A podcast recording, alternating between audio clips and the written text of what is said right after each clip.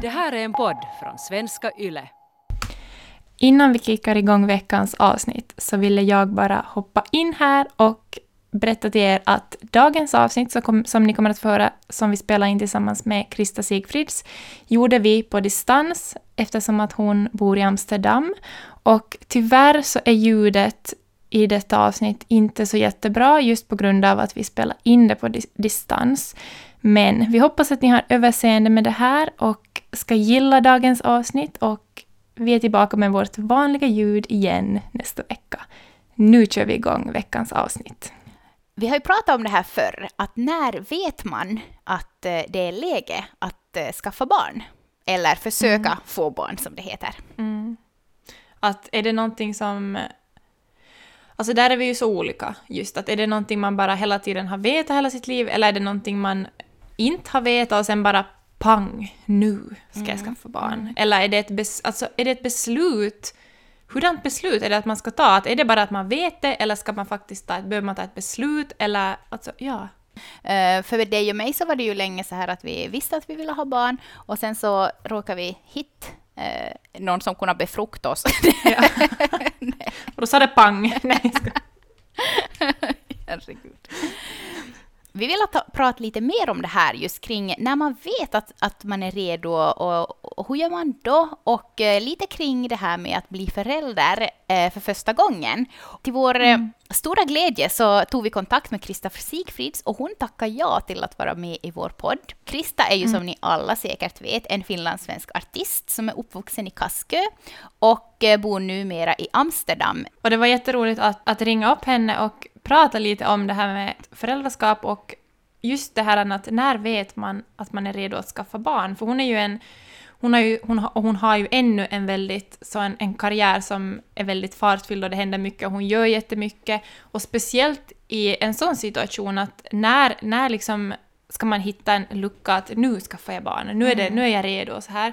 Och hur känns det i förhållande till karriären och framtiden med karriären och ja. Mm. Så vi ringde upp Krista för några veckor sedan och vi hade ett eh, fint samtal kring just det här och också de här känslorna av att de först tänka att äh, vårt barn kan vara med oss, att jag, jag kan börja jobba direkt nästan som hon kommer och så här, till att det blir istället att man, hela kroppen skriker att jag vill helt enkelt bara fokusera på mitt barn just nu. Mm. Det här är alltså Krista Sigfrids, varsågoda.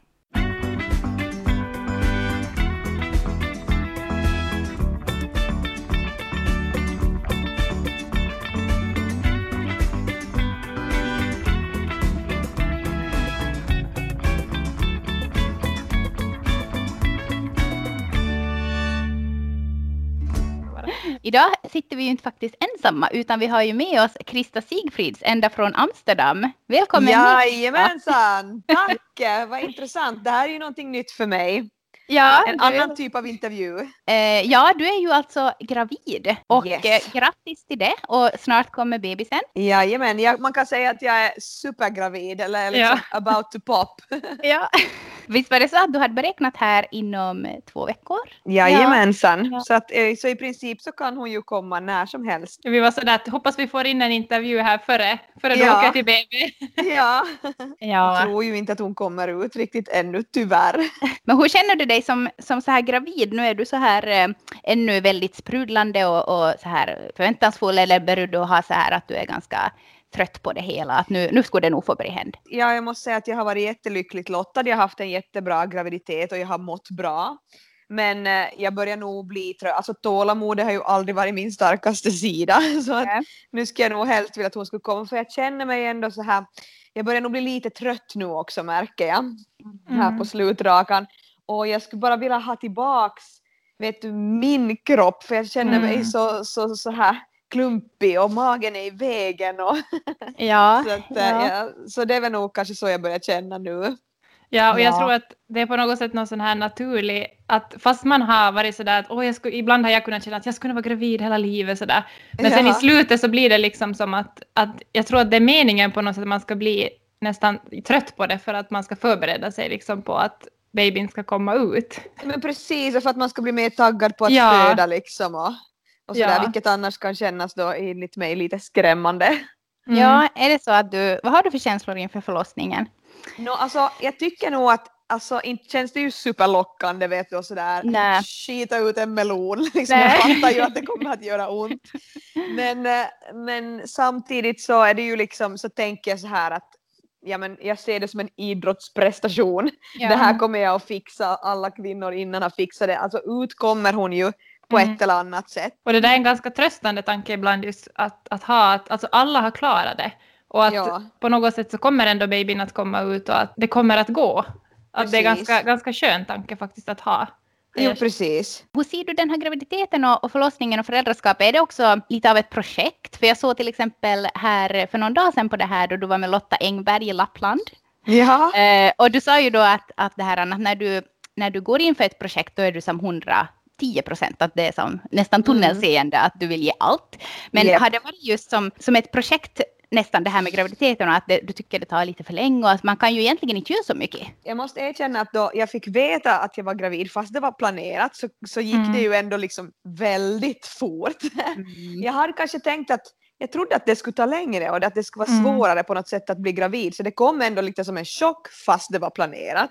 Mm. Eh, och, och då tänkte jag först, min första tanke var att oj nej herregud hur ska det gå vet du med allt jobb och allt som jag har planerat, alla gigs och allting.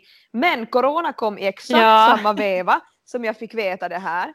Så att på något sätt så tror jag att, att den här coronan och det att alla mina jobb, näst, nästan alla mina jobb ändå blev eh, liksom bort eller så här Mm, ja. cancelled. Så fick jag också en sån he- helt annan ro liksom att, att jag kan inte göra någonting annat än ändå just nu. Att jag kan bara Mm. fokusera på det här.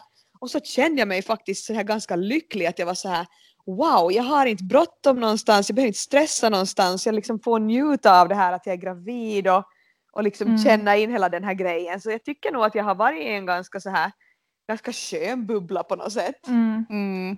Men ganska häftigt just det där med, som du beskriver med coronan och det, det, det positiva ändå som man kan, alltså fast situationen är som den är och det är hemskt och det är tragiskt mycket, Ja. men att det ändå finns den där sidan, just den där att, att, huh, att nu är det liksom, Ja. nu har jag inte bråttom någonstans. Nej, verkligen. Och, och det har verkligen varit för mig, alltså som fast, klart jag var ledsen då i början då allting ställdes in och jobb avbokades, men sen i något skede så, så kan jag ändå eller liksom vara tacksam över det att jag, jag fick en sån här inre ro, för inte vet jag om jag skulle ha fått den då annars. Att, att här skulle jag ha sprungit på en massa gigs och varit gravid och, och Mm. liksom Ja. att hur skulle jag ha mått då? Jag vet inte, kanske jag inte skulle ha mått lika bra som jag mår just nu då om jag skulle varit stressigt.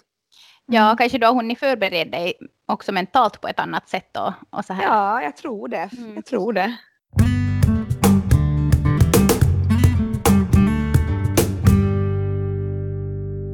Vi har pratat också om det förr i podden, att hur kommer man fram till att nu är det, nu är det dags, att nu är jag Mm. redo. Eh, Ja, hur kom är ni, hur kom ni liksom fram till det tillsammans? Nej men alltså, jag tror att, för att jag träffade den här min Mr Amsterdam, Ja. så det sjuka är att jag kände liksom direkt att jag var sådär holy shit att det här är Mm. liksom min, det här är min man och jag vill ha barn med honom, jag vill ha allt med honom. Det var Mm, liksom ja. helt, helt sjukt. Och eh, vi bara var som bestämde så här just på, på nyårsafton faktiskt, alltså just då, då jag då berättade på sociala medier Ja. att, vi, att jag har en ny man. Så då hade vi ju redan hunnit vara tillsammans en tid men, men då hade vi bestämt så här att, att, att det, vi ska nog skaffa familj vi två. Mm. Och, och så blev det faktiskt så att sen någon gång i januari då senare så bestämde jag mig att jag slutar äta p-piller gravid direkt efter min första Ja. mens. Så jag var så här holy shit, Ja. det gick lite snabbt. Jag, och inte gör det någonting men jag hade bara inte liksom räknat med att det kunde Mm. gå så snabbt. För vi, har ju pratat, vi har pratat om det i olika avsnitt, just det här, men just det här som att när vet man att, att nu, just när ska vi, att vi ska skaffa barn nu? Och det är så intressant det där för att jag och Karro är ju sådana exempel på sådana som hela livet har vetat att vi vill, alltså som att det har varit sånt fokus liksom att vi vill ha barn och man blir, vill bli förälder och så här. Ja. Men jag tycker det är så häftigt den där, för jag vet många andra som har varit med om det också, att man på något sätt har inte riktigt vetat hur och när, men sen när man träffar en specifik människa så då är det bara som att nu, nu måste jag bara Ja. skaffa barn. Ja, alltså det var jätteintressant för jag har alltid tyckt att det här har varit, det var liksom lite hotande för mig. Alltid tyckt Mm. att det här hotar min karriär och jag har varit mer intresserad av andra saker. Och ja, jag har helt enkelt varit mer intresserad av jobb och karriär och allting sånt. Att jag har tyckt att det är aldrig, fast jag är väldigt barnkär och jag är ju väldigt familjekär och så har jag inte tyckt att det har liksom, jag har inte bara haft filis. Mm. Och sen blev jag också själv helt chockad över att sen kom den liksom, ja, på grund, alltså på något sätt på grund av honom, att det bara kändes mm. rätt. Mm. Ja, det är nog häftigt hur kroppen och allting, äh, ägg, ägglederna och livmodern ja. bara ja, samarbetar med hjärtat. talar om för en att det här this is it. Och tydligen är det ju en bra match eftersom det gick sådär. Ja, ja det är fint då, det, då man också kan höra om sådana som att det går liksom enkelt för och, och att det går snabbt att, att bli gravida och sådär. Ja. Uh, för att ofta hör man ju nog om sådana som också som får kämpa jättelänge och det är också kanske därför man inte har som så uh, höga förväntningar heller när man planerar att nu vill jag bli gravid. Att man tänker att det tar, Nej, nog, säkert, det tar nog säkert några månader.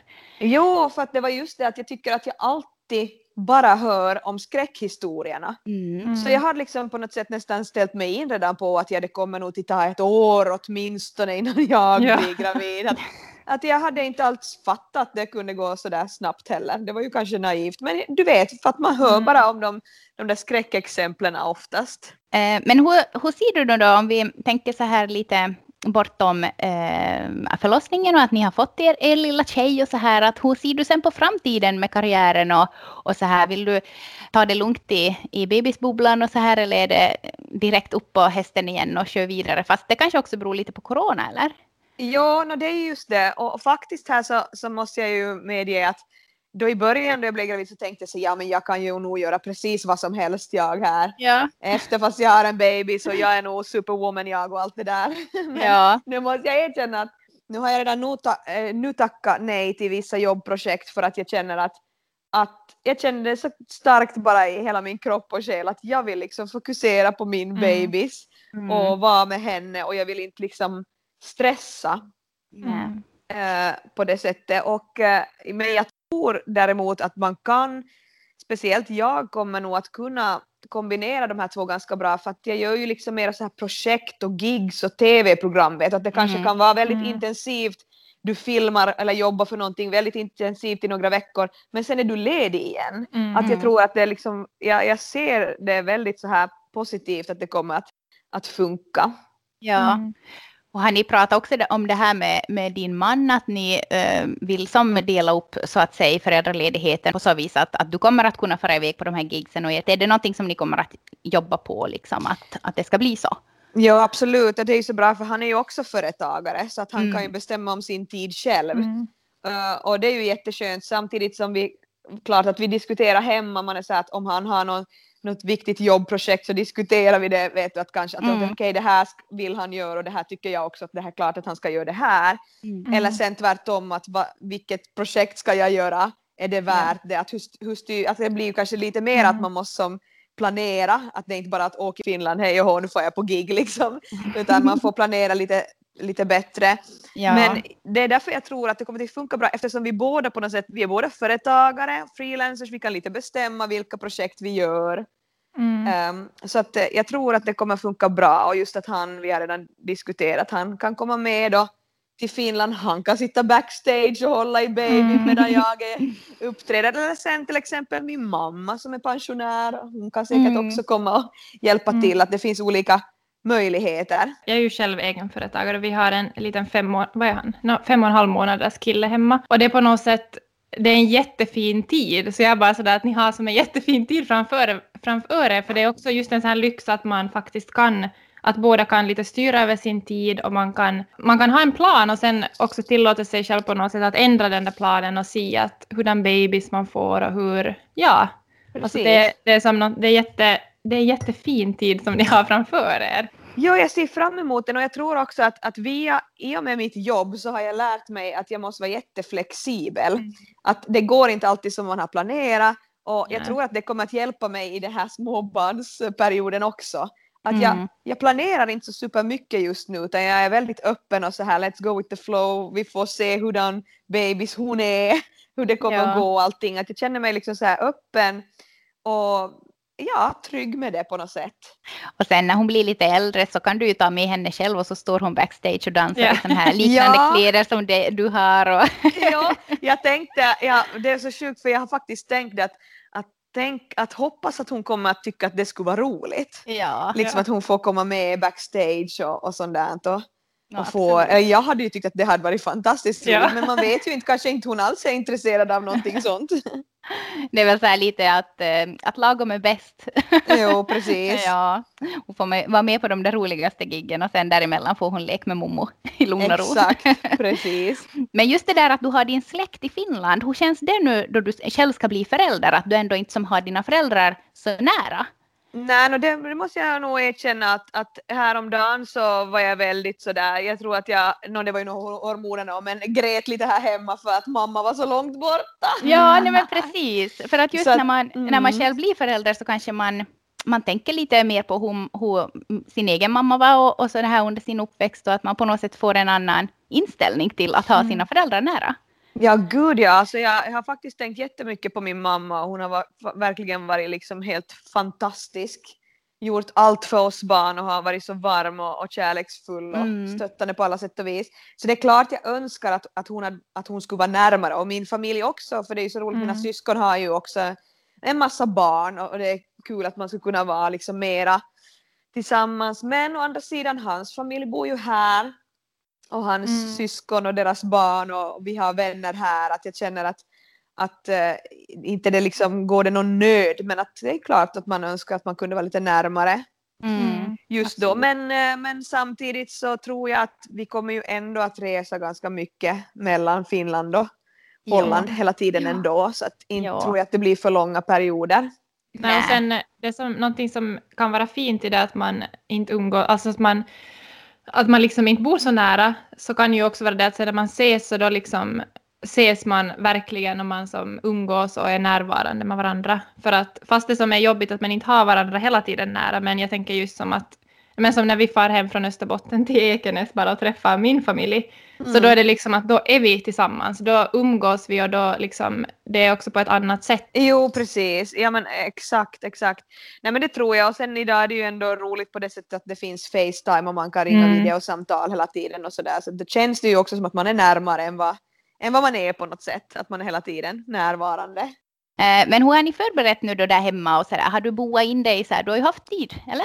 ja, ja, gud ja, absolut. Jo, nej, men nu har vi nog, alltså, har ju äh, förberett oss. Vi har köpt allt man behöver ha. Ja, ja. och fixat allting, så vi är ju där, nu bara väntar vi. vi. Nu har vi allting, så att vi är nog, vi är redo. Ja. ja, vi var till och med så här, vi köpte en bilstol och så var det så här, shit, vi måste köpa en bil också. ja. så vi köpte bilstolen före bilen. Men det är bra, nu har vi allt.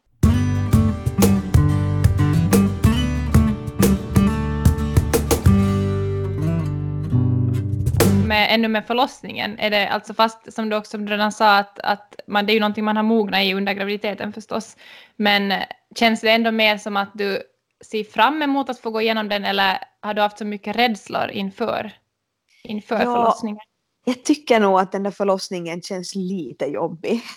Mm. Jag tycker att, för att jag hade också här, här någon natt så hade jag så här förverk och den var jätte, den gjorde jävla ont. Ja. Och då tänkte jag så här, vad fan är det här, bara en förverk, hur fan ska det kännas då det är liksom den riktiga, riktiga verkarna. Så då blev jag nog lite sådär att oj nej, kanske jag inte är redo för det här ändå. Men å andra sidan så just som jag sa att, att man, alltså jag tänker inte så mycket på det utan jag tänker bara att jag måste bara liksom göra det. Mm. Det bara händer och sen får jag då försöka hålla mig lugn och, och andas och, och bara göra. Jag tänker att jag förlitar mig på personalen. Jag gör som de säger. Har ni haft några möjligheter att gå sån här någon slags, eh, alltså här i Finland till exempel via Mörra vårdcentralen så är det ju att man får gå sån här familjeförberedande kurser och så här. Har de något sånt där i Holland eller har ni haft möjlighet nu då det är corona? Nej, det finns ju massor, men jag, jag har inte filis för sånt där. Jag. Nej, okay. Så att det, det, Blir, det, blir nog inga, det blir nog inga kurser för mig, jag orkar inte få, lejd, få lejdon. Men, äh, men lite så här mera, jag tycker kanske det är roligare att bara prata med familj och vänner mm, liksom, mm. om deras, vet du, så här, alltså de som jag litar på och som jag vill lyssna på.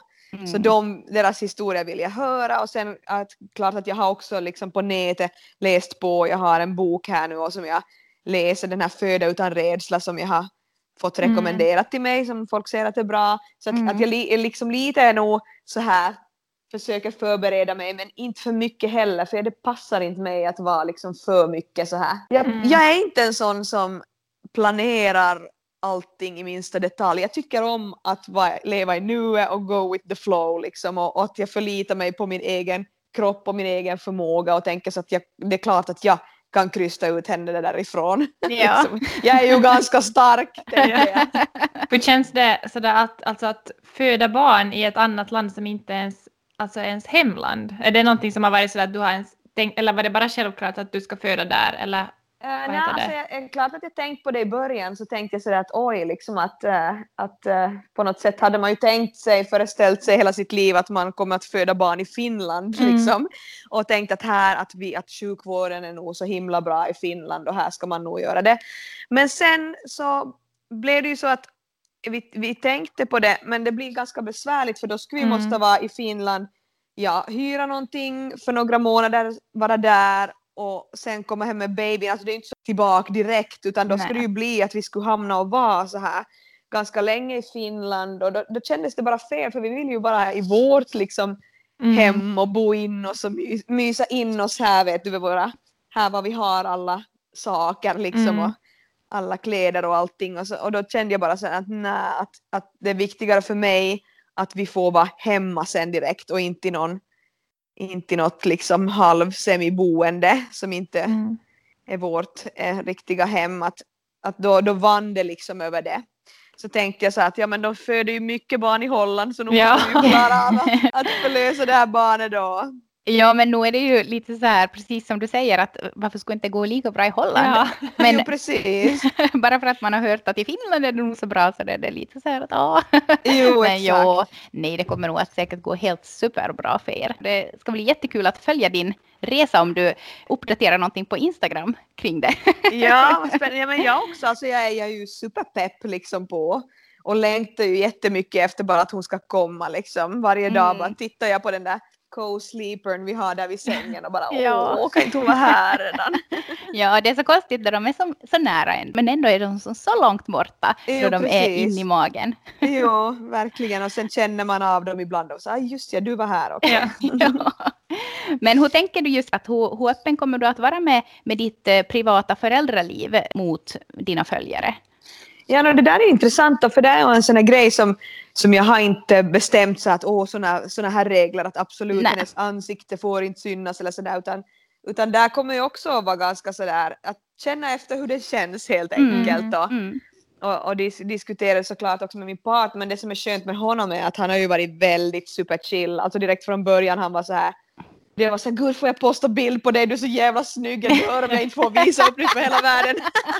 och han bara, jo klart att inte bryr jag mig att jag bor här nej. i Amsterdam och, och vad någon skriver om mig i Finland liksom rör inte honom i ryggen. Nej. Och det var, jag tyckte att det var så befriande, det var ju mm. skönt. Mm. Och, liksom, mm. och så, då har jag svårt att tänka att varför skulle jag vilja dölja mitt barn? Alltså hon, en, för att hela min sociala medier är ju också ganska så här spontan, alltså att jag mm jag visar vad jag gör så att om hon är med så då, då är hon väl med. Men att, ja. sen får man ju se, sen är det ju annorlunda sen då, då barnen blir lite äldre. Men jag tänker ja. som, som mm. spädbarn så tror jag inte att det är så farligt att hon syns. Nej, verkligen inte. Jag och tänker som... också att, att spädbarn, alla spädbarn gör ju nästan samma sak. Ja, och de jo, utvecklas ju, de börjar krypa ungefär i samma ålder och det är som ganska lika där, det är som inte så revolutionerande. Precis.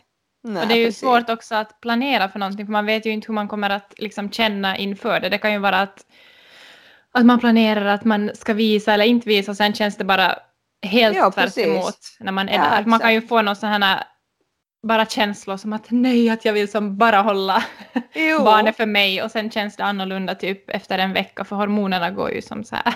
Ja, precis, och det är därför jag just har tänkt så att jag har inte gjort något beslut utan jag tänker att det, det, är också en sån här grej som jag tar det som det kommer, liksom, att hur det känns. Mm. Mm. mm. Eh, stort tack Krista för att du ville gästa vår podd. Ja, Eh, tack! Det här var ju intressant för mig. Det var ju, jag tänkte så många år då man har gett intervjuer och allting bara handlar om samma sak. Du vet, man svarar på frågor, det finns aldrig någon som kommer på med en helt ny fråga som man aldrig har svarat på innan. Ja, Men nu var det ju någonting helt nytt, för det är ett helt nytt ämne, så det här var också ganska roligt för mig. Det var jätteroligt. och vi önskar dig och din man All lycka. ja, stort lycka till. Ja, Och tusen det- tack! Verkligen ett stort äventyr som ni har framför er. Och, Yes, tusen tack! Ha en bra höst! ja, och detsamma. faktiskt det är ju snart jul nu Ja. också, så ser jag också fram emot. Ja, mysigt med första julen med bebisen. Ja, verkligen. Mm. Ha det så bra. Hej då! Ja, detsamma. Hej då! Där hörde ni alltså en intervju med Krista Sigfrid som vi gjorde för några veckor sedan. Och eh, jag tycker att det var jätteintressant det här som hon sa kring att hon inte ännu vet hur hon ska göra med att visa sitt barn eller inte. Eh, när man har ett litet Instagramkonto så kanske det inte spelar så stor Mm. roll. Men Krista har ju ändå hundratusen och följare på sina vi- vi sociala lite medier. om, så så det, det här är ju att- lite annorlunda. Det är så svårt att veta också var man är känslomässigt och vad man känner kring hela situationen sen när man väl är där och att det kan typ skifta från en, en dag till en annan hur det känns med att visa upp sitt barn och sådär. Och att det är jättesvårt att planera en sån sak. Och sen tänker jag också att när man har när man har så pass många följare så, så är det ju också att när man lägger ut någonting och när man är delar av sig själv så då, då får man säkert ta emot väldigt mycket alltså, åsikter och vad folk tycker och tänker, hur man ska göra, hur man inte ska göra. Eh, och det är säkert också någonting som alltså, påverkar ens känslor i hur man vill göra. Ja, men precis. För det tycker jag att man, man märker ganska mycket eh, med sådana som har mycket följare, att nyblivna mammor, att de ibland kan ryta ifrån på sina sociala medier och vara som så här, Mm. sluta ge mig tips. Jag Jag, har inte ha- bett om det. Ja, ja, men precis. Så det kan jag tänka mig att kan vara ganska jobbigt när man har jättemycket följare och att jättemånga av dem är sådana som verkligen vill ge sina goda råd och Mm. tips. För att eh, som nybliven mamma så, ja, alltså jag tycker att man lyssnar helst på sin egen mamma eller sen sina någon sys- syster eller bror som också är förälder. Eller och kompisar att det, förstås. ja, och att det på något sätt blir lätt väldigt överväldigande att, att vänta nu. Jag behöver inte liksom... Man matas ju redan jättemycket av så här ska du göra, så här ska du inte göra, det här är bra, det här är dåligt och ditt och datt. Så sen att jag kan inte ens tänka mig hur det skulle vara att få 10 000 meddelanden av att, eller hur många man nu får, av att gör så här, du är dålig, du borde göra så här, så där ska du inte göra, man bara som... Då är det också svårt när man har känslorna så mycket med som man har i början efter en, liksom med alla hormoner och sådär. Mm. Att, att, tänk, att kunna som bara stänga av det då Ja. och inte påverkas. Mm. Men vi hoppas att eh, Krista förstås hittar en bra balans där, vilket hon Mm. helt säkert kommer att göra.